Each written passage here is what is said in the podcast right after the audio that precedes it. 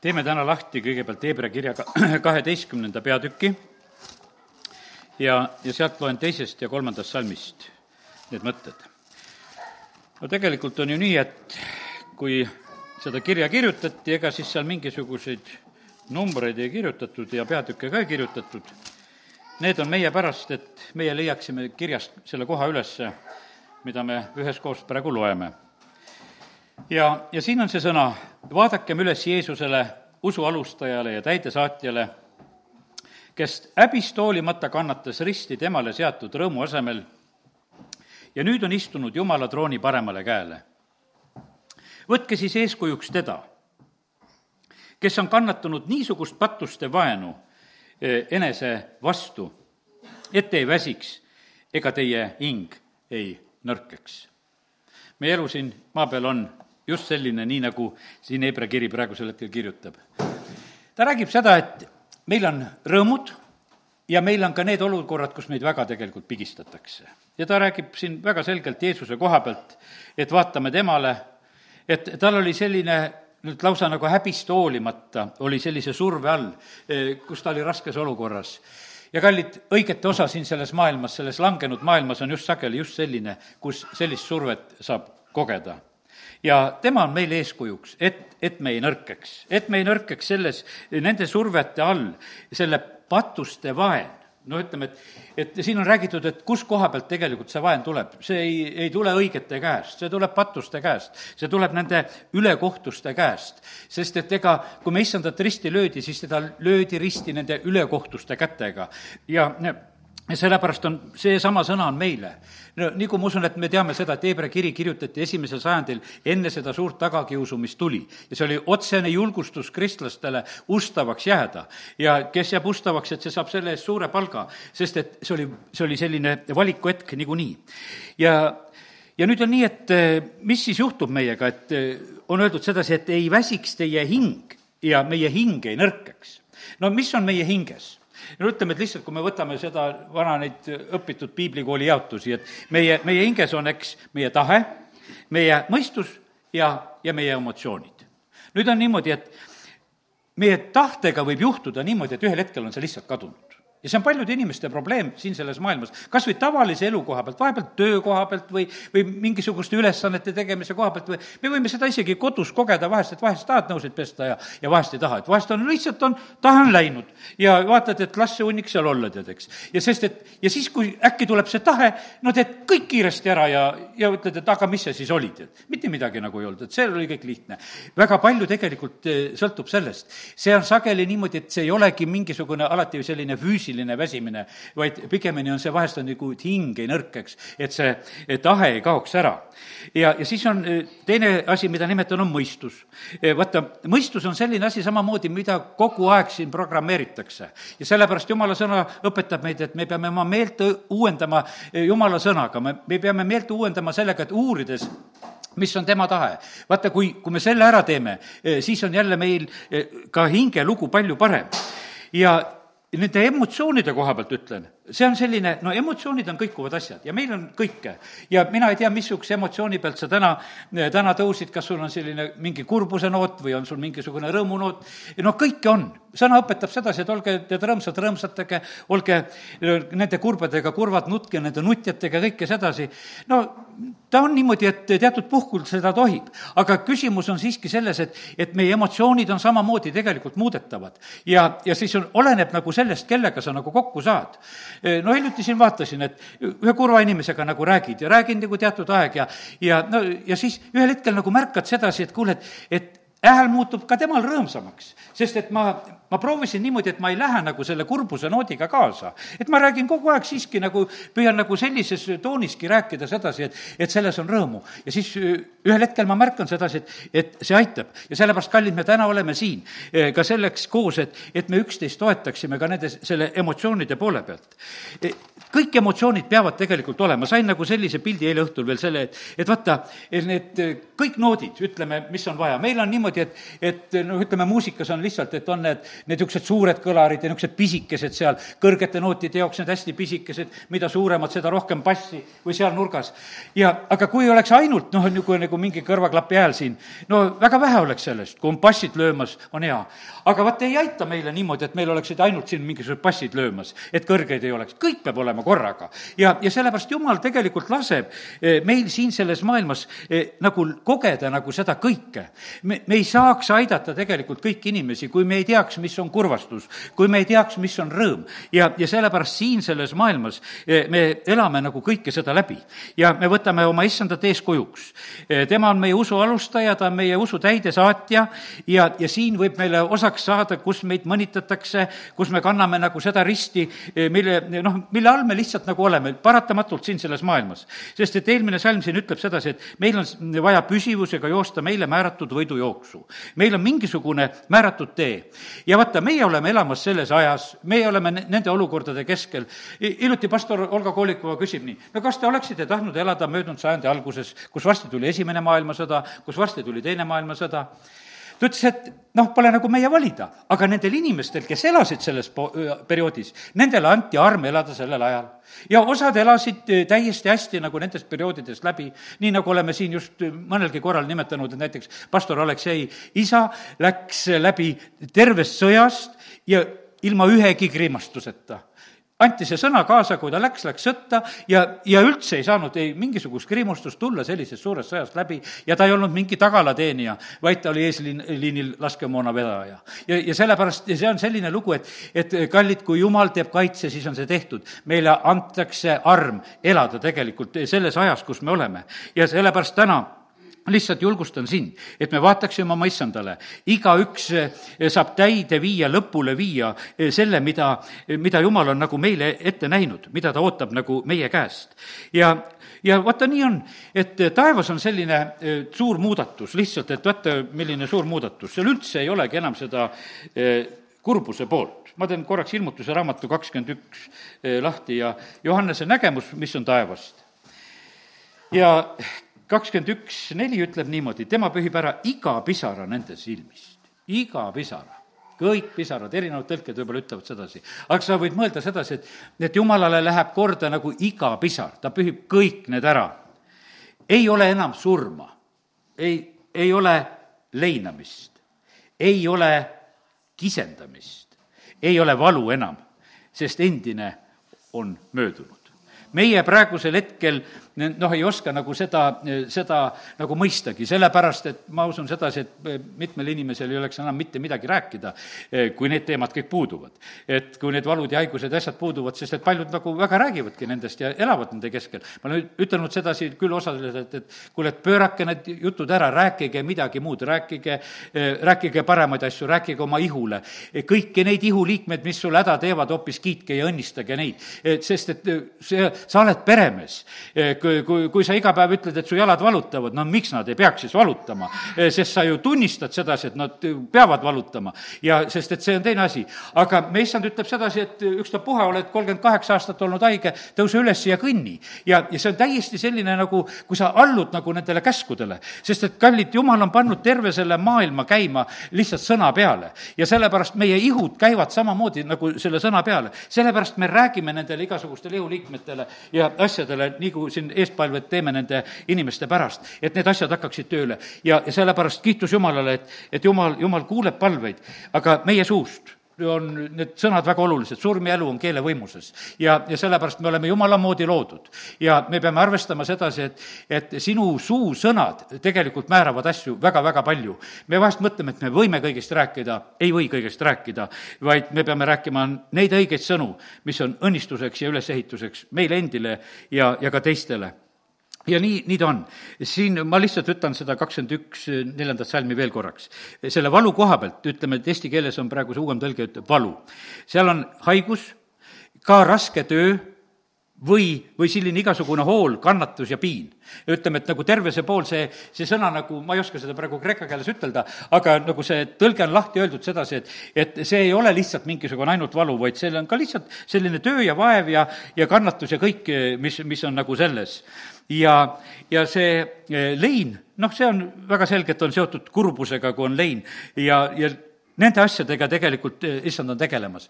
ja, ja surma koha pealt on öeldud ka, et surma lihtsalt enam ei ole, sest et vaata, eh, seda ei saa taevas olla. ja sellepärast kiitus Jumalale, et me võime lihtsalt Jumala sõnast seda, eh, seda õppida ja, ja täna siin üksteisele rääkida. nii et, et tee selline otsus, vaatad issandale ja, ja hakkad elama just sellisel moel. nüüd täna ma olen siin erinevaid asju nagu issand eest saanud ja tahan neid siis sulle jagada nüüd, nüüd on järgmine asi. ma räägin issandast kui tervendajast, taevas enam haigusi ei ole, me oleme, noh, ütleme, tavaliselt harjunud niimoodi, et meil on nagu sellised füüsilised haigused. Aga eile just piiblikoolis jagan nagu selle mõtte, mul oli selline, enda jaoks oli niisugune tore avastus sedasi, et et kuidas Jeesus ütleb, ma teen lahti Mattiuse evangeeliumis, me olime eile seal Mattiuse evangeeliumis, kuidas Jeesus ütleb, kui ta on seal Tölneri kojas haigetel on äh, va-, arsti vaja ja ma sain ühe nagu sellise äh, uue sellise pildi sellest asjast, et mis on tegelikult need, äh, need, need rasked haigused, mille, millega tuleb tegelikult meil, meil võidelda. ja, ja nüüd on niimoodi, et Jeesus kutsub Tölneri, see on üheksanda peatüki üheksandast salmist ja edasi minnes nägi Jeesus meest Mattiuse nimi tollijoone juures istuvat ja ütles talle, järgne mulle, ja Mattius tõusis ja järgnes talle. ja, ja kui Jeesus istus lauas tema kojas, vaata, palju tölnereid ja muid patuseid tuli ja istus koos Jeesuse ja ta jüngritega. ja seda nähes ütlesid variserid tema jüngritele, miks teie õpetaja sööb koos tölnerite ja patustega? aga seda kuuldes vastas Jeesus, ei vaja arst, arsti terved, vaid haiged aga minge õppige, mis see on. ma ei taha ohvrit, vaid alastust ja ma ei ole tulnud kutsuma õigeid, vaid patuseid. ja vaata, kus koha peal nüüd Jeesus ütleb sedasi, et kus on väga haige värk. seal ei olnud üldse niimoodi, see tölner ei olnud halvatud, ta ei olnud lamamas, tal ei olnud käsi ära kuivanud, ta ei olnud epilepsik, tal mitte midagi. ta oli lihtsalt üks rahavõtja, kellel olid võimalused lauda katta, ta võis korraga võtta rohkem külalisi vastu Jeesus ütleb, et, et ta on haigekülastusega tegelikult tegelemas. Need küsivad, et mispärast teie õpetaja soob koos töllerite ja patustega praegusel hetkel. ja seda kuuldes ta vastab, et, et ei vaja arsti terved, vaid haiged. ja, ja sellel hetkel ta lihtsalt ütles, et see mees on haige. see mees on lihtsalt praegusel hetkel haige. ja, ja see haigus oli seotud tegelikult nende, selle jumala kummardamisega, ne-, nende finantsidega tegelikult, mille küüsis ta oli. ja ta tuli seda inimest antud hetkel päästma. ja sellepärast, kallid, ma tahan soovida seda, et, et meie mõistaksime, et, et see, mida Jeesus tahab tervendada, see on palju suurem. me näeme sedasi, et meie mõtleme niimoodi tavaliselt, et noh, et, et kui jumal meid tervendab, et siis see on seotud meie ihuga ja hingega ja no need asjad kõik. aga ei, see on tegelikult seotud meie maamajandusega. see on, see on seotud, ütleme, terve maa tervenemisega, kui rahvas alandub Jumala ees, siis on öeldud sedasi. ja sellepärast on see nõnda, et, et see pääste, mida, mida Jeesus tuli tooma, siis see puudutab väga otseselt ka finantse. ma ütlesin siin, kui ohvrit võtsime kokku, et ma ei räägi ohvri juttu. aga me näeme sedasi, et, et kui tervenemine tuleb, siis see tuleb rahaasjades ka. see on mitmete inimeste selline kogemus, eh, kes on Jumala juurde tulnud, kes on olnud võlgades, saavad oma võlgadest välja. sellepärast, et tegelikult tervendatakse rahaasjad ära. saadakse suurtest võlgadest välja, saadakse väiksematest võlgadest välja. kui sa tuled issanda juurde, siis need asjad hakkavad tegelikult sündima. sellepärast, et vaata, kui tervenemine tuleb, siis ta tuleb, eh, sinu rahakotti tuleb ka. aga see tuleb sellega, kui, kui meie toome seda esmast tema altarile, kui me oleme selle jaoks nõus. kõik ei ole sellega nõus, nad mõtlevad sedasi, et kuida-, see on nagu, see on nagu liiga palju. E, e, jumal on määranud selle osa, ta ütleb, et e, esmane kuulub mulle, see kümnendik kuulub mulle. ja, ja need inimesed, kes seda julgelt ja usus teevad, nad on õnnistatud selle läbi. Nad ei kaota sellega mitte midagi, sellepärast et jumal kingib õnnistusi, need on tema käest. ja, ja sellepärast kiitus Jumalale, et, et täna ma ütlen sedasi, et vaata, sa oled haige kui su finantsasjades ei ole korda. sellepärast, et see, eh, Jeesus ütles sedasi, kui ta läheb ühe maksuvõtja juurde, ta näeb sedasi, et, et siin on tegu tegelikult lihtsalt eh, rahaga ja selles asjas on tegelikult inimene täiesti haige. ja siin on vaja tegelikult, et need asjad saaksid korda. Luuke evangeeliumi üheksateistkümnendas peatükis on see lugu, kui Sakjus on puu otsas ja, ja samamoodi üks maksuvõtja, kes seal on. no ma usun, et meil on meeles, mida ta lubab. ta lubab sedasi, et kellele ta on ülekohut teinud, kelle käest ta on välja pressinud, nendele ta annab neljakordselt tagasi. otsekohe oli tal selge, et finantsasjades on tegelikult probleem, mis on tehtud. ja, ja ta teeb selle, selle asja korda. ja ta ütleb, et ja poole oma varandusest annan vaestele täiesti on otsus, ütleme, et see pääste puudutas tegelikult väga tugevalt tema finantspoolt, mida ta hakkas tegema. ja Jeesus ütleb, et sellele kojale on tulnud pääste sellele kojale on tulnud see sooso. see, ja see on, selles on nagu see kõik. selles on tervis, selles on pattude andestus, noh, ütleme, et see pääste, see lunastus haarab tegelikult nii palju. selles on meie igavene elu ja sellepärast kiitus Jumalale, et, et see on nõnda. nüüd täna, kui ma seda eh, lugesin Luka üheksateistkümnendat peatükki, eh, ma märkasin ühte asja veel. vaata, kuidas evangelist Lukas, ta on jumala vaimust juhitud, pannud seda eh, evangeeliumi kirja. ja nüüd on, kui ta on selles Sakkuse koja loo ära rääkinud, siis järgmine lugu eh, selles üheksateistkümnendas peatükis, Lukas on nii, üheteistkümnendast salmist, ta hakkab rääkima eh, tähendamise sõna sulastele antud rahast aga neile, kes teda kuulasid, rääkis Jeesus veel ühe tähendamise sõna, sest ta oli Jeruusalemma lähedal ja nemad arvasid, et jumala riik otsekohe ilmsiks saab. Ta ütles siis, üks kõrgest suust inimene reisis kaugele maale, et omandada kuningriik ja siis pöörduda tagasi. ning ta kutsus kümme oma sulast ja andis neile kümme naela raha ja ütles, kaubelge, kuni ma tagasi tulen. aga alamad vihkasid teda ja, ja läkitasid äh, talle järele ütlema saadikud, meie ei taha, et tema meie üle kuningana valitseks ja see sündis, kui ta tuli tagasi, olles saanud selle riigi, et ta käskis enese juurde kutsuda need sulased, eh, kellele ta oli raha andnud, et saada teada, kui palju kasu keegi kaubeldes oli saanud. siis tuli esimene ja eh, ütles, issand, sinu nael on kümme naela kasu toonud ja tema ütles temale, tubli sa, hea ja hea sulane, sest sa oled olnud ustav kõige pisemas, seepärast olgu sul meelevald kümne linna üle.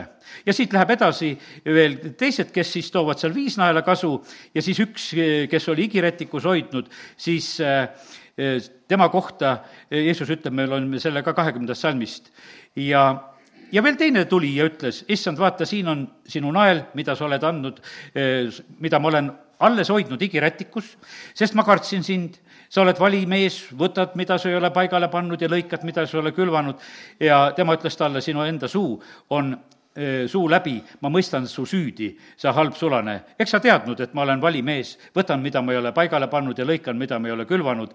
mispärast sa siis ei ole andnud mu raha panka, küll ma siis oleksin selle tagasi tulles kasuga kätte nõudnud. ja ta ütles juures seisjatele, võtke nael tema käest ja ärge andke ja andke see, eh, võtke nael ära, eks, ja andke see sellele, kellel on kümme naela. ja nemad ütlesid talle, issand, tal on kümme naela ja ma ütlesin, eh, ma ütlen teile, igale ühele, kellel on, antakse, kellel ei ole, sellelt võetakse ka ära see, mis tal on. aga need, mu vaenlased, kes ei tahtnud, et ma nende üle kuningas oleksin, tooge siia ja lööge nad maha minu ees. vaata, milline on see armu evangeelium. ja seda Jeesus räägib väga julgelt ja väga selgelt. ja me näeme sedasi, et kui kategooriline ta on tegelikult nendes rahaasjades.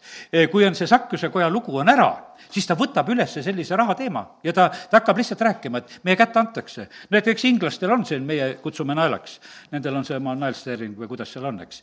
ja, ja sellepärast igalühele antakse. me, ja siin oli praegusel hetkel oli see igalühele see nagu selline e, võrdne, võrdne and-, andmine. ma ütlen sedasi, kallid, meie ei osta õnnistusi raha eest mitte küsimus ei ole selles, see ei ole täna selline õpetus, et, et me siin muudkui raha eest õnnistusi ostame, vaid see raha on tegelikult meie käes nagu see, see märk, kuidas me sellega käitume.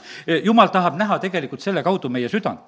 põhimõtteliselt me, me näeme seda noh, ütleme iseennast ka raha läbi ja sellepärast on see nõnda, et, et kallid, ma ütlen, et, et olgu selline, ma mäletan sedasi, et mu isa eh, noh, rääkis, kui ta oli noor mees, tal ütles, et siis palju raha veel ei olnud, aga kui ta vaatas koguduses, et et kes, kes ohverdasid nagu suuri rahatähti, noh, ütleme siis, mina ka tahaksin seda hakata tegema, tead. tal oli nagu selline igatsus eh, jumal näeb tegelikult kõiki.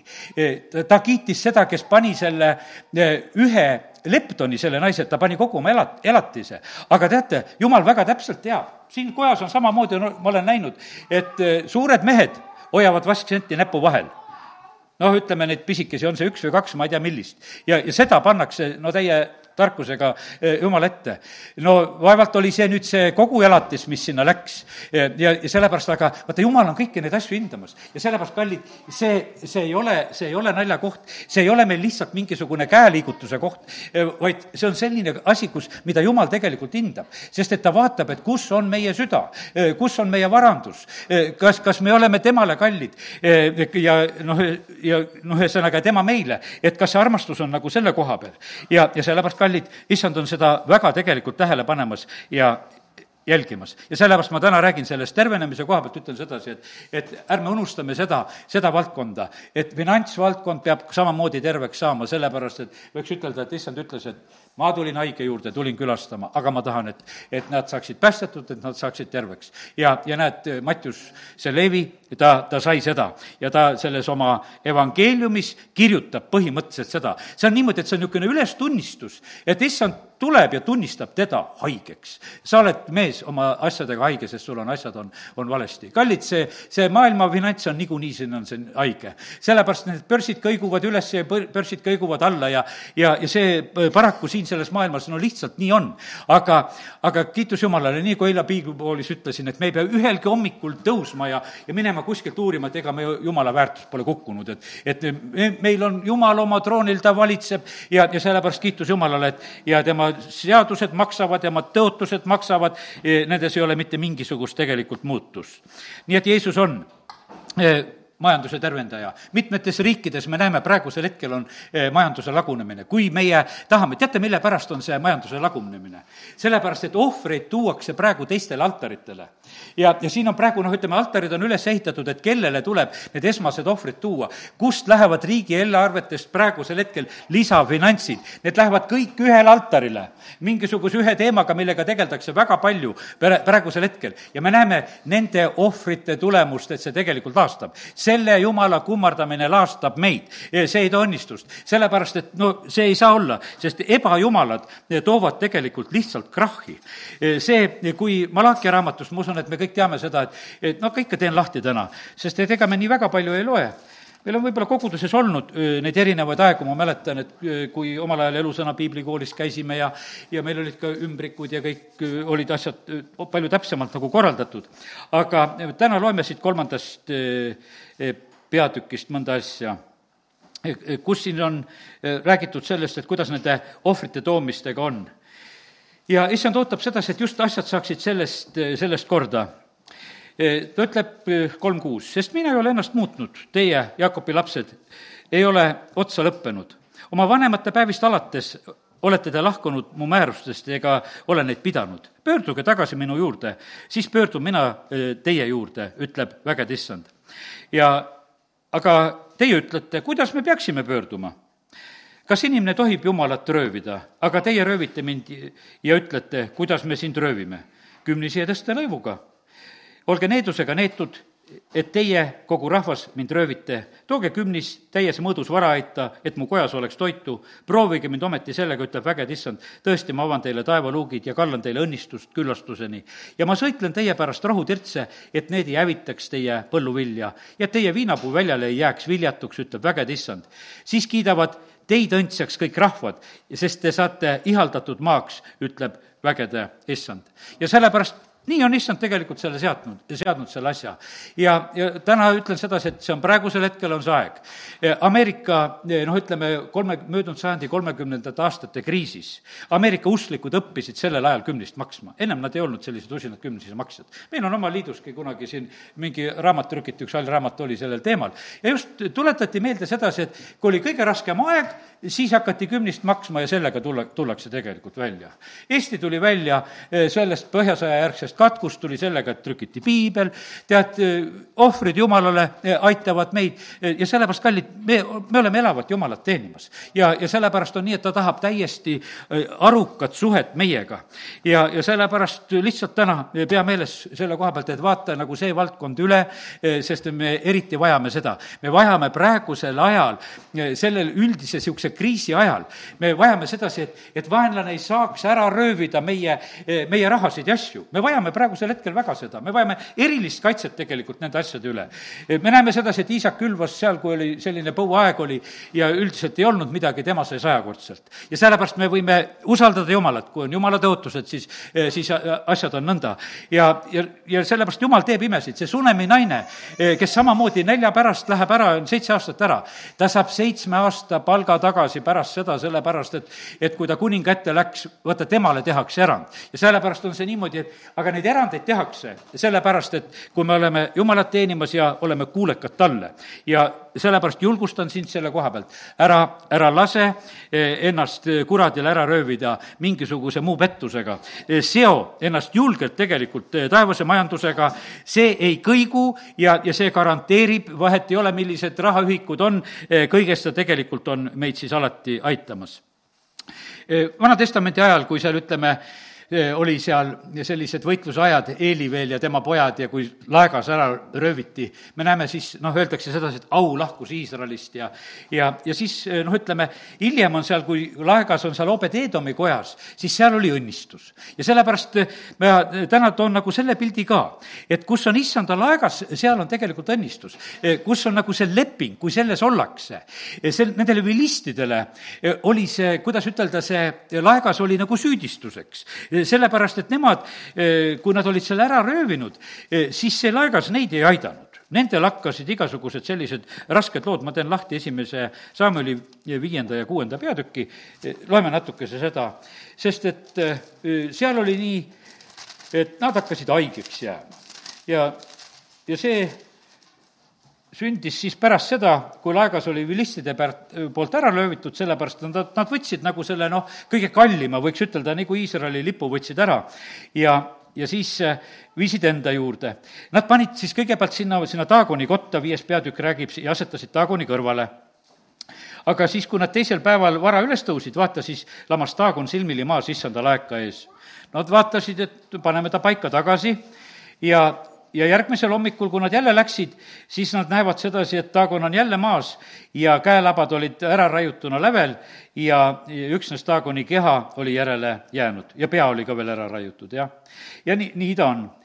ja issanda käsi oli raskesti siis astuslaste eh, peal, ta laastas neid ja lõi pärasoole paisetega Astudist ja selle, Astudit ja selle maalasid. ja ja siis nad mõistavad sedasi, et ärgu jäägu see issanda jumala laegas, Iisraeli jumala laegas meie juurde, sest tema käsi on meie eh, jumala taagoni vastu väga, väga vali ja siis nad hakkavad uurima, et mida me peaksime sellega tegema. Nad saadavad selle katti, nad, siis on seal eh, suu, suur ehmatus. ja vaata, siin on olnud neid eh, prohvetlikke sõnumeid ka, et, et vaata, need ehmatused tabavad inimesi tabavad meie maad, tabavad ka neid patuseid. Eh, ja sest, et vaata, kui on selline mingisugune suur ehmatus, nad on väga suure jahmatusega nagu antud hetkel ja sest üheksas salm, aga pärast seda, kui nad olid eh, sinna viinud, tabas issanda käsi linna väga suure jahmatusega. Ja eh, ta lõi linna inimesi nii hästi pisikesi kui suuri, nõnda et neile tekkisid pärasoole paised. Siis nad läkitasid ta Ekronisse, selle laeka. Need on seal hädas, et mispärast te olete selle meie juurde eh, toonud surmama? Ja sest, et üksteist ütleb seal, et kogu linnas oli surmahirm ja sest jumala käsi oli seal väga ränk ja neid inimesi, kes oli, kes ei surnud, löödi pärasoole paisetega, linna hädakisa tõusis taevani. ja, ja siis on niimoodi, et, et vaata, kuidas asjade lahendused käivad. siis on järgmine asi, nüüd on niimoodi, et nad on sellises olukorras, ja nad kutsuvad kokku oma preestrid ja ennustajad ja hakkavad siis rääkima, et mida me peaksime tegema issanda laekaga, õpetage meid, kuues peatükk, teine salm. ja et me saaksime selle koju läkitada. ja need ütlesid, kui Iisraeli jumala laeka ära saadete, siis ärge saatke seda tühjalt. Te peate temale kindlasti tasuma süüohvri, siis te saate terveks ja saate teada, miks tema käsi ei lahku ja siis kästakse teha, et vastavalt vürstide arvule tuleb teha viis kuldpaiset ja viis kuldhiirt, noh, ütleme, et kõik need asjad tuleb teha. pane tähele, et vaata, maksma pannakse. E, et see ei tule ka lihtsalt sedasi, et ma, ma annan ära, vaid nad pidid selle kullas maksma. kuidas Iisrael tuleb e, Egiptusest välja, nad tulevad kulla ja hõbedaga.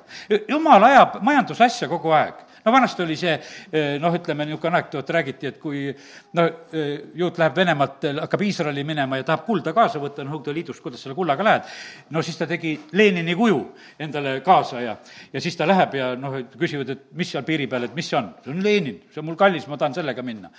jõuab Iisraeli, küsib, miks sul see Lenin kaasas on? ta ütleb, ei, see on kuld, et, et, et, et see on kallis, et ja sai ühest välja viia, teisest sisse viia. ja, ja sellepärast on see niimoodi, et aga jumal on sedasi, et tehakse kullast neid Lenini kujusid, aga tehakse mingisuguseid kuldpaiseid ja tehakse kuldiiri ka, sest kuld on kuld, vahet ei ole. ja sellepärast, et te lähete viite selle kulla, te maksate selle eest ja, ja nad pidid seda tegema. Nad teevad uue vankri ja, ja panevad lehmad ette ja usaldavad lehmasid, et kuhu poole nad lähevad ja, ja lehmad lähevad ka õigele poole. ja, ja kõik nad, ja siis noh, ütleme seal aegas niimoodi läheb tegelikult siis vilistade hulga, hulgast ära ja no kuidas Taavetiga need lood edasi lähevad, esimene kord, kui ta kuuleb, et Obed-Eeboni kojas on õnnistus, siis ta mõtleb, et ma lähen toon selle laeka ära ta tahtis õnnistust saada, aga ta eksis selles asjas. USA saab seal surma ja no need lood juhtuvad. E, sellepärast, et nad ei pidanud kalliks e, jumala teenimist, nii kui sõnas on. ja siis nad teevad asjad korda, toovad ohvreid ja panevad preestrid õlgadele kandma ja, ja siis nad toovad õnnistatult tegelikult selle e, laeka tagasi. ja sellepärast, kallid, jumal on oma seaduste taga, õnnistused on meile tõotatud ja, ja sellepärast ma täna ütlen seda, et, et jumala reeglid kehtivad, need töötavad ja, ja need on iga maa ja rahva ja iga perekonna õnnistus ja sellepärast meil tuleb tegelikult äh, tähele panna seda, mida oma, jumal oma sõnas on rääkinud. ja, ja sellepärast äh, kiitus Jumalale, et ta on kindlalt oma tõotuste taga nüüd äh, jumal paneb tähele sellist asja, kuidas käitutakse vaestega. no õpime täna, kui niisugune miskipärast need finantsjutud tulid täna, ma usun, et neid on meile vaja õpetuse sõnades on öeldud sedasi, et kes halastab selle kehva peale, see laenab issandale. ja, ja see on, kes vaesele peale alastab, see laenab issandale, see on õpetuse sõnad, üheksateist, seitseteist ja seal on veel öeldud juurde sedasi, et ja et issand tasub temale ta hea teo see on ikka väga võimas, et, et ütleme, et jumal paneb neid selliseid momente tähele. praegusel hetkel on niimoodi, et, et üldse siin selles maailmas tehakse neid vaeseid, tehakse juurde Need, sest et praegune hetk on selline kuidagi selline vaeste tootmine väga paljudes kohtades. Ameerikas on väga palju kodutuid, ütleme, juurde tekkinud, lihtsalt eh, need majanduslikud olukorrad muudavad neid asju ja väga paljud inimesed elavad tänavatel seal, eh, kus seal ma vaatasin ühte linnapilte, kus on niimoodi, et linnaplatsid on ära joonistatud ruudud ja siis eh, telgi võid sinna panna ja ja, ja linn on nagu selliselt hoolitsemas, et pannud vetsud väljaku äärde ja et inimesed elavad telkides ja, ja niisugust, niisuguseid lahendusi pakutakse ja ja, ja et vaeseid on, noh, ütleme, siin selles maailmas palju. E, mingil määral kindlasti on niimoodi, et osad inimesed surutakse praegusel hetkel e, sellisesse seisu, kelles, kes kaotavad töö praegusel hetkel või need asjad, nad on kohe selles kategoorias, nad on vaeste kategoorias, sest et kui sul sissetulekut ei ole, kui sa oled äh, sellises raskes olukorras, siis hakkavad kehtima tegelikult äh, need seadused, mis on jumal vaeste koha pealt kes-, kehtestanud. kui nende peale alata, alastatakse, siis hakkab heateo tasumine, kui ei alastata, vaata siis jumal ei tasu seda. ja, ja sellepärast on see nii, et, et äh, näeme siin praegusel hetkel, et jumal ei lähe vaestest mööda, ei lähe sellest olukorrast mööda. see hädakisa, vaeste hädakisa äh, tõuseb issanda poole. mina eilsel päeval mõtlesin sedasi, et hea, kui lihtsalt inimesed tõstavad ülekohtu pärast häält, kui nad olid seal Tallinnas koos. et äh, see on juba hea, aga see oli veel parem, et nad esmalt pöördusid Jumala poole ja palusid meesa palvet, et hea oleks olnud lihtsalt ülekohtu koha pealt rääkida ja ütelda, sest Jumal kuuleb kuuleb ka seda, aga veel parem oli see, et pöörduti kohe ka õige koha poole. ja, ja sellepärast kiitus Jumalale. see eh, ma ütlen sedasi, et vahest see vaeste olukord ei olegi kõige halvem. ja üks niisugune lugu, mis ma siin hiljuti nagu sain, on teise kuningate eh, kakskümmend viis ja kaksteist. see on, kui seal ütleme, kui juuda riik täiesti lõpeb, see on selline eh, riigi lõpuaeg ja on üks selline moment, kus ühel hetkel vaestel oli eelis tekkinud. nii, aga kakskümmend viis, kaksteist, aga ihukaitsepealik jättis maa vaesemast rahvas, rahvast alles viinamägede harijad ja teopäevade tegijad. teised viidi Paabelisse vangi, aga nüüd oli niimoodi, et noh, et ütleme, kui maa tehti niimoodi nagu tühjaks, kõik rikkad ja ilusad viidi ära ja noh, korraldati seda seal elu ümber, aga siis vaadati, et aga kuule, Vinamägede eest on vaja hoolt kanda ja et meil on vaja neid inimesi, kes põhimõtteliselt oleksid siin hooldamas. ja nemad said jääda koju Nemad said jääda koju, nemad, vaestele tuli lihtsalt see eelis. ja me näeme sedasi, et aga see on puhas tegelikult jumala hoolitsus sellel hetkel, et see, see valik tuli nagu selle koha pealt, eh, sest siis jäeti nagu see osa. ja, ja siin on niimoodi, et no ma loen üheksandast salmist, et me natuke mõistaksime seda olukorda. ja siis, kui seal Paabeli kuninga sulane tuleb Jeruusalemma, ta põletas ära issanda koja ja kuninga koja ja kõik Jeruusalemma kojad, kõik suured kojad põletas ta tulega. saad aru, vaeste omadega ta ei käinud ütleme, need, nendega ta tegelemas ei käinud. aga ütleme, et see kõik, mis oli ilus, selle kallal käidi ja, ja kogu kaldjalaste sõjavägi, kes oli koos ihukaitse pealikuga, kiskus maha Jeruusalemma ümbritsevad müürid ja rahva ülejäänud osa, kes olid jäänud linna ja ülejooksikud, kes olid üle jooksnud Paabeli kuninga poole ja muu rahva riismed viis ihukaitse pealik siis Nebutarsan vangi. siin on niimoodi, et vaata, vaata, kuidas on need asjad.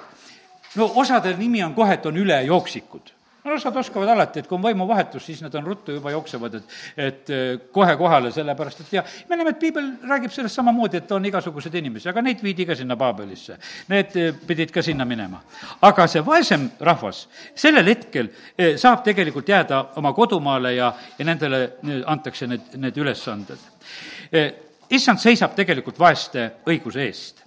Ja, ja sellepärast ma ütlen täna, ma, ma räägin seda, noh, ütleme, et me oleme täna siin, ma ei propageeri mingisugust vaesust, et see on mingisugune õnnistus. see ei ole, me oleme seotud, jumal on rikas andma meile kõike, mida me vajame, iga hea teo tarvis. Aga need, kes satuvad nagu sellisesse olukorda või on ka vahest hetkeliselt selles, te võite usaldada, et sellel hetkel on Jumal väga tugevalt ka vaestega. psalm kaksteist teeme nüüd lahti ja loeme sealt kuuenda salmi ja, ja siin on nõnda öeldud. viletsate rõhumise, vaeste ägamise pärast tõusen ma nüüd üles, ütleb issand. ma toon pääste sellele, kes hingeldab.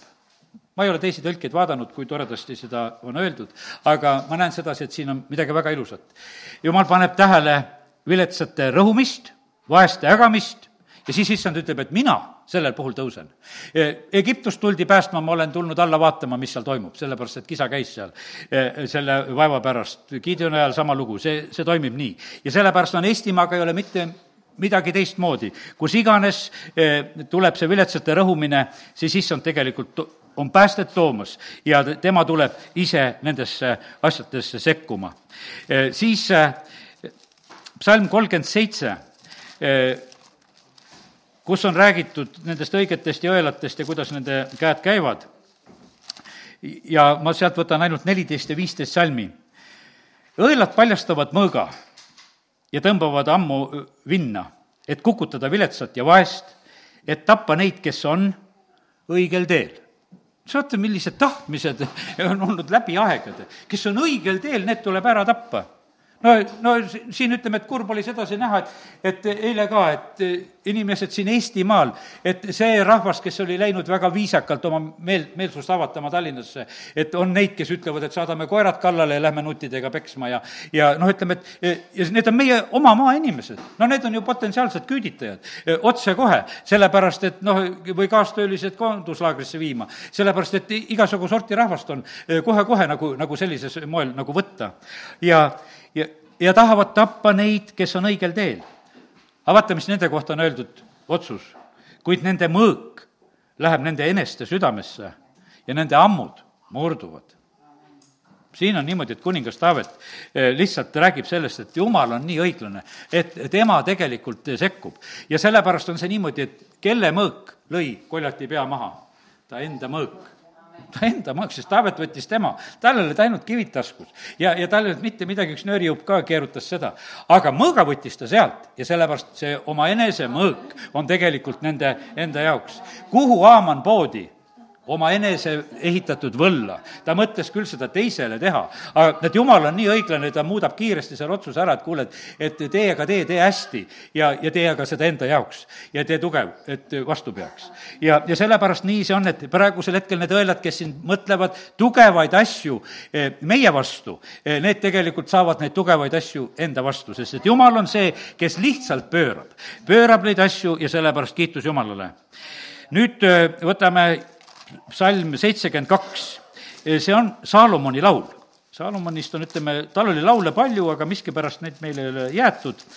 ja siin üks laul on kindlasti, mis on laulude kogus Saalomoni laul. seitsmekümne teine laul seda on ja ma loen sealt äh, salmist kaksteist kuni äh, kuusteist. ja vaata, meie eestikeelses piiblis ei ole pandud nagu noh, ütleme, tema koha pealt, kui kirjutatakse väikse või suure tähega. ja siis on niimoodi, et alati, kui sa loed, mõtled, kas räägitakse jumalast kui temast või räägitakse inimesest kui temast. ja nüüd on niimoodi, et venekeelne piibel, ütleme, toob austusest alati, kirjutab sinna ikka selle Jevo, tead, või siis ikkagi suure tähega ja aitab nagu natukese nagu seda mõtet mõista ja ma täna nagu veel vaatasin nagu üle, et kuidas venekeelses piiblis on. nüüd venekeelses piiblis oli nõnda, et, et salmist jah, kuni seitseteist veel lõpuni. kaksteist kuni seitseteist, kõik on väikese tähega, kõik on inimese kohta kirjutatud praegusel hetkel. nii et kui me seda loeme, sest vahepeal võib niisugune mõte tulla, et kuule, et, et äkki see on jumalale juba öeldud. no alguses on selge, sest tema kisub hädast välja vaese kes kisendab? ja viletsa ja selle, kel pole abimeest. no Jeesus käis Pedessa tiigil, ei olnud aitajat ja läks ja kiskus teda sealt välja. ta säästab nõrka ja vaest ja päästab vaeste hinge. me juba sellest täna hingest rääkisime, et vaata, meil hingel on mitmel tasemel vaja sellist abi ja issand on tegelikult aitamas. ta lunastab nende hinged kavalusest ja vägivallast. ja nende veri on kallis tema silmis. vaata, vaeste hing on tegelikult väga kallis issanda silmis. ma, ma ei ütle seda, et noh, niimoodi, et täiesti sellises proportsioonis on, et, et vaata see kui on vaene Latsarus ja sööb neid raasakusi ja see lugu, mida Jeesus samuti räägib, ja siis ta on pärast seal Abrahamis üles ja siis see rikas mees on põrgus ja piinas seal ja siis öeldakse sedasi, et sina said maa peal hea põlve, sellepärast oled nüüd piinas, aga tema sai kehva põlve, sellepärast nüüd tal on hea põli. et nagu selliselt.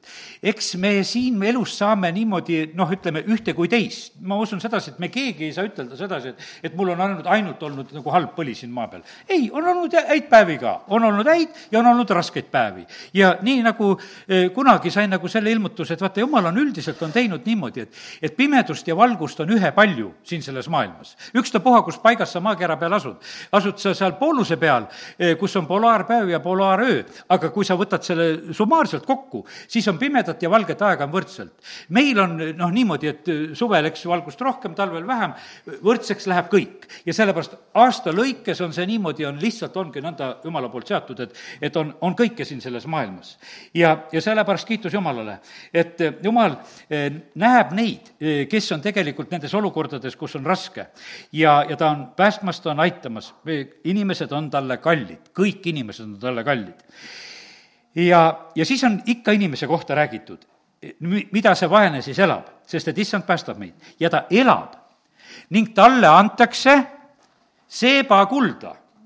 kui ma alguses siin ohvriga sul nagu võtsin ütlesin, et tooge ja, ja noh, otsas edasi. aga siin kuningas Saalomon ütleb, et ja talle antakse seebakulda me teame sedasi, et talle tassiti seda kulda väga palju kokku. see oli üks niisugune kulla tassimine käis. aga see oli nagu tema kogemus, ta oli alandanud tegelikult Jumala ees, sellepärast toodi talle seda kulda, sest ta palub, ütleb, et Jumal, mina saan valitsema, ma ei oska seda. olen nagu poisikene, tead, Jumal, anna sina mulle tarkust, kuidas selle suure rahva üle valitseda. ja me näeme sedasi, et, et nüüd see alandunud hing põhimõtteliselt on niimoodi, ta elab ja talle antakse seebakulga, kulda.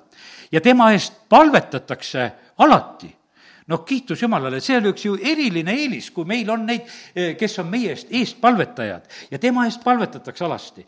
ja alati, kogu päev õnnistatakse teda. viljarohkus on maa peal, eh, mägede harjadel kahisevad viljapead nagu Liibanoni mets ja linna elanikke tärkab otse kui maast rohtu ja sest, et noh, viljapõldu nähakse nagu metsa, mis mühiseb seal.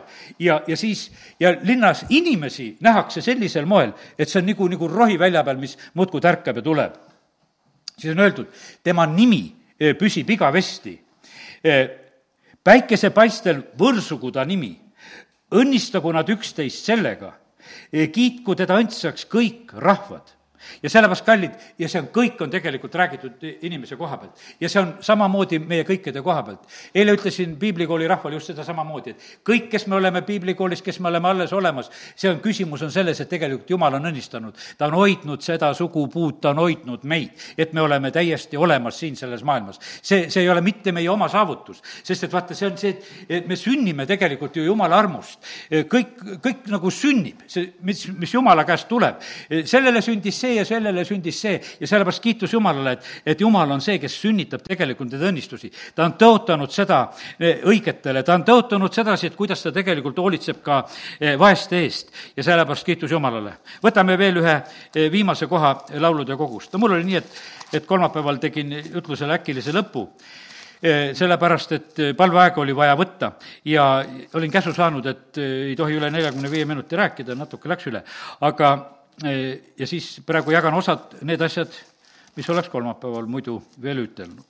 psalm sada nelikümmend ja, ja kolmeteistkümnes salm. siin on Taaveti laul. ta ütleb seda, ma tean, et issand ajab viletsa kohtuasja ja teeb vaesele õige otsuse. see ei ole mitte mingisugune noh, niisugune, et, et või, võib-olla läheb hästi, vaid ta ütleb täie kindlusega, ma tean ja sellepärast on see niimoodi, et eh, kellel on praegusel hetkel need kohtuasjad pooleli ja on neid, kel, kes on oma õiguse eest nagu seismas, eh, mis siin on sündinud, aga siin võta see kinnitus. ma tean, et issand ajab viletsa kohtuasja ja teeb vaesele õige otsuse. ja, ja sellepärast kiitus Jumalale, et meie issand on tegelikult väga ustav ja, ja ta on oma, oma sõna taga ja, ja ta on igal juhul meid eh, kindlasti aitamas. nii et tänasel hommikul sellised sõnumid, mis puudutavad, võiks ütelda, seda nagu sellist majanduse poolt, ja, ja sellist lepingu poolt, ma ütlen, et jumal on väga aus oma lepingutes, nüüd selle lepingu jutuga me lõpetame varsti, läheme Mattiuse evangeeliumi kümnendasse peatüki korraks. vaata, meil on mitmesuguseid lepinguid ja, ja, ja siis lepingutes on need suurte tähtedega punktid ja lepingus on peenikese kirjaga asjad, just paljud lepingud tehakse nagu sellised sellepärast et need asjad, mis noh, on ilusad, need võib suurelt kirjutada, mis nii meeldivad ei ole, need kirjutame väiksed. aga kiitus Jumalale, et eh, Jumal oma sõnas meile ja kui Jeesus räägib, eh, tal ei ole neid suurte ega väikeste tähtedega asju, eh, ta räägib tegelikult nagu seda kõike, mis on vaja. kui ta läkitab oma jüngreid välja, siis ta noh, ütleme, räägib kõike seda väga otseselt, mis nendel osaks saab, mida nad peavad tegema, kuidas neid koheldakse, kuidas neid vastu võetakse, võetakse, no mis nendega eh, hakkab nagu, nagu sündima, kõik need asjad ta tegelikult väga, eh, väga otseselt eh, räägib välja. siin on näiteks peenes kirjas, võiks ütelda, mitte peenes kirjas, tahtsin ütelda, kui me loeme siit kus koha pealt, mitmendast salmist, mis sõnu me võime lugeda.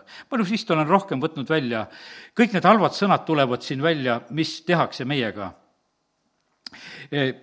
piitsutatakse reedetakse, viha alused lastakse surmata, kus koha pealt see hakkab, umbes siit kuueteistkümnendast võib lugeda. vaata, ma läkitan teid kui lambaid huntide keskele. olge siis arukad nagu maod ja tasased nagu tuvid.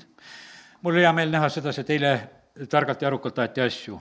hoiduge inimeste eest, sest teid antakse ülemkohtute kätte ja teid piitsutatakse nende sünagoogides. vaata, kus koha peal veel piitsa saab Jeesus ajas pitsaga välja, aga eh, sealt need kaubitsejad, aga nemad piitsutavad hoopis inimesi. Teid viiakse minu pärast maavalitsejate ja kuningate ette eh, neile ja rahvastele tunnistuseks. aga kui teid reedetakse, tähendab, ka seda juhtub, ärge muretsege, kuidas või mida peate rääkima, sest teile antakse tollel tunnil see, mida rääkida. sest teie pole rääkijad, vaid isa vaim kõneleb teie kaudu. aga vend annab surma venna ja isa lapse ja lapsed tõusevad vanemate vastu ja lasevad, lasevad neid surmata. ja noh, ütleme, et seda nagu, kuidas ütelda, nagu raske nagu lugeda, et kuidas see nagu käib. aga seda on juhtunud praegusel ajal nende soovituste kaudu, mida inimesed teevad. mida vanemad soovitavad oma lastele vahest teha ja nad on õnnetud, et vaata, mis juhtus ja mida vahest lapsed soovivad vanematele ja siis on õnnetud, et vaata, mis juhtus. ja see alati ei ole isegi niivõrd pahatahtlik, sest see on kuidagi nagu selliselt, aga issand räägib. ma ütlen, kallid, kui me loeme jumala sõna, kas sa ei näe, et kuivõrd antud hetkes ta tegelikult on nagu meie jaoks rääkimas ja me võime seda mõista ja näha ja, ja siis on niimoodi, et kakskümmend kolm salm ja te saate kõikide viha alusteks eh, minu nime pärast. aga kes peab vastu lõpuni, see päästetakse. ja kui teid kiusatakse taga ühes linnas, eh, põgenege teise ja tõesti, ma ütlen, et ei jõua kõiki Iisraeli linnu läbi käia, enne kui inimese poeg tuleb. ei ole jünger üle õpetajast ega teenija üle oma isandast ja, ja kui nad on pereisandat kutsunud Petsepulliks, palju enam siis tema, tema peret. nii et, kallid, jumal on väga aus nendes asjades, ta kutsub meid selle tee peale, algasime Hebra kirjast sealt, et meil tuleb kannatlikkusega selle tee peal olla, vaatama oma usu alustajale, täidesaadjale, et meie hinged ei nõrkeks, siin nagu eilsel päeval ma panin Varro sõnast just tähele, seda ma ei olnud ju seal, ma väga pisut vaatasin, aga seda asja, et ta, ta ütleb sedasi, et me peame olema valmis kaotusteks, sest et igas lahingus on niimoodi, et või sõjas on sellised hetked, kus ollakse nagu justkui kaotuse seisus. aga see on nagu selline, kuidas ütelda, selle asja nagu üleskruvimine, mida vahest nagu jumal lubab. et ikka nagu seda pinget kruvida, kruvida, kruvida, et, et siis matsuga selle kulla ja hõbedaga välja tuua. sellepärast, et noh, et, et sest et siis tuleb ühel hetkel tuleb, tuleb see heastamine. ja, ja sellepärast kiitus Jumalale, et me, Jumal on tegelikult vä-, väga ustav. amen. tõuseme ja oleme palves. isa, ma tänan, et äh, oleme sellises pöördelises hetkes, midagi on nagu sündinud, nii nagu oleks Jordanist läbi mindud isa, me täname sind, et eilsel päeval, kui tuul puhus ja vihm sadas ja, ja inimesed läksid. ja me täname sind, Jumal, et hoolimata nagu sellest, isa, me täname sind, et, et mitte miski ei saa nagu takistada, kui süda on tõmbamas ja isa, me täname, kiidame, ülistame sind. ma, isa, tänan täna jälle veel kord kõigi nende vabaduse võitlejate eest, kes on läbi aegade olnud Eestimaal, isa, kiituse tänu sulle. tänu sulle, kes olid selles vabaduse sõjas, kui Eesti riik sündis ja, ja tänu sulle, kes Nõukogude Liidu lõpuaegadel ja, ja olid võitlemas ja usus ja palvetasid ja aga kes ka väga otseselt tegusid tegid. isa, me täname sind eh, kõigi nende inimeste eest, kes on olnud. ja ma tänan sind, Jumal, et sa oled praegusel hetkel eh, tõstmas üles neid juhtisid, kes juhivad meie maad õnnistuse sisse. isa, kiituse tänu sulle. me täname sind, Jumal, et sinul on olemas need kangelased, eh, keda sina oled otsimas siit ka sellelt maalt. ja isa, me täname sind, et meie võime täna vaadata sinu peale kui selle peakangelase peale ja me tahame, issand, saada julgust sinu käelt. me vaatame sinu peale, sina teed tugevaks meie käsivarred, sa teed tugevaks meie jalad. sa annad meile suhu need sõnad, mida on vaja. ja issand, sina ajad asju. isa, sina õnnistad õigeid, aga sina õnnistad ka neid, kes on praegusel hetkel kitsas olukorras. isa, kiituse tänu sulle. isa, me täname sind, et, et meie võime kõik oma majanduse asjad eh, siduda sinuga. me täname sind, Jumal, et, et see ei vea meid mitte kunagi alt. isa, me täname sind, et sina oled see, kui sina avad taevaluuke, siis sa kallad eh, õnnistust küllastuseni. isa, sina olid see, kes sa Le-, Leningradi blokaadis toitsid ja hoidsid inimesi, eh, kes olid sinu omad, kes olid ustavad. isa, me täname sind, et sul on igas olukorras tegelikult väljapääsutee. me täname, kiidame, ülistame sind, Jumal. isa, me täname sind, et sa viid läbi sõdadest ja olukordadest vahest, et nii, et kriimugi ei saa. aga Jumal, sa oled ka siis meiega, kui on otse vastupidi, kus ollakse ahelates ja kus ollakse vanglates ja sa oled alati aitamas. isa, me täname sind, et sa viid kõigist olukordadest läbi. isa, kiitus ja tänu ja ülistus sulle. me täname sind, issand, et sa oled võimas Jumal, sa oled suur Jumal, keda me kiidame, austame, ülistame Jeesuse nimel, amin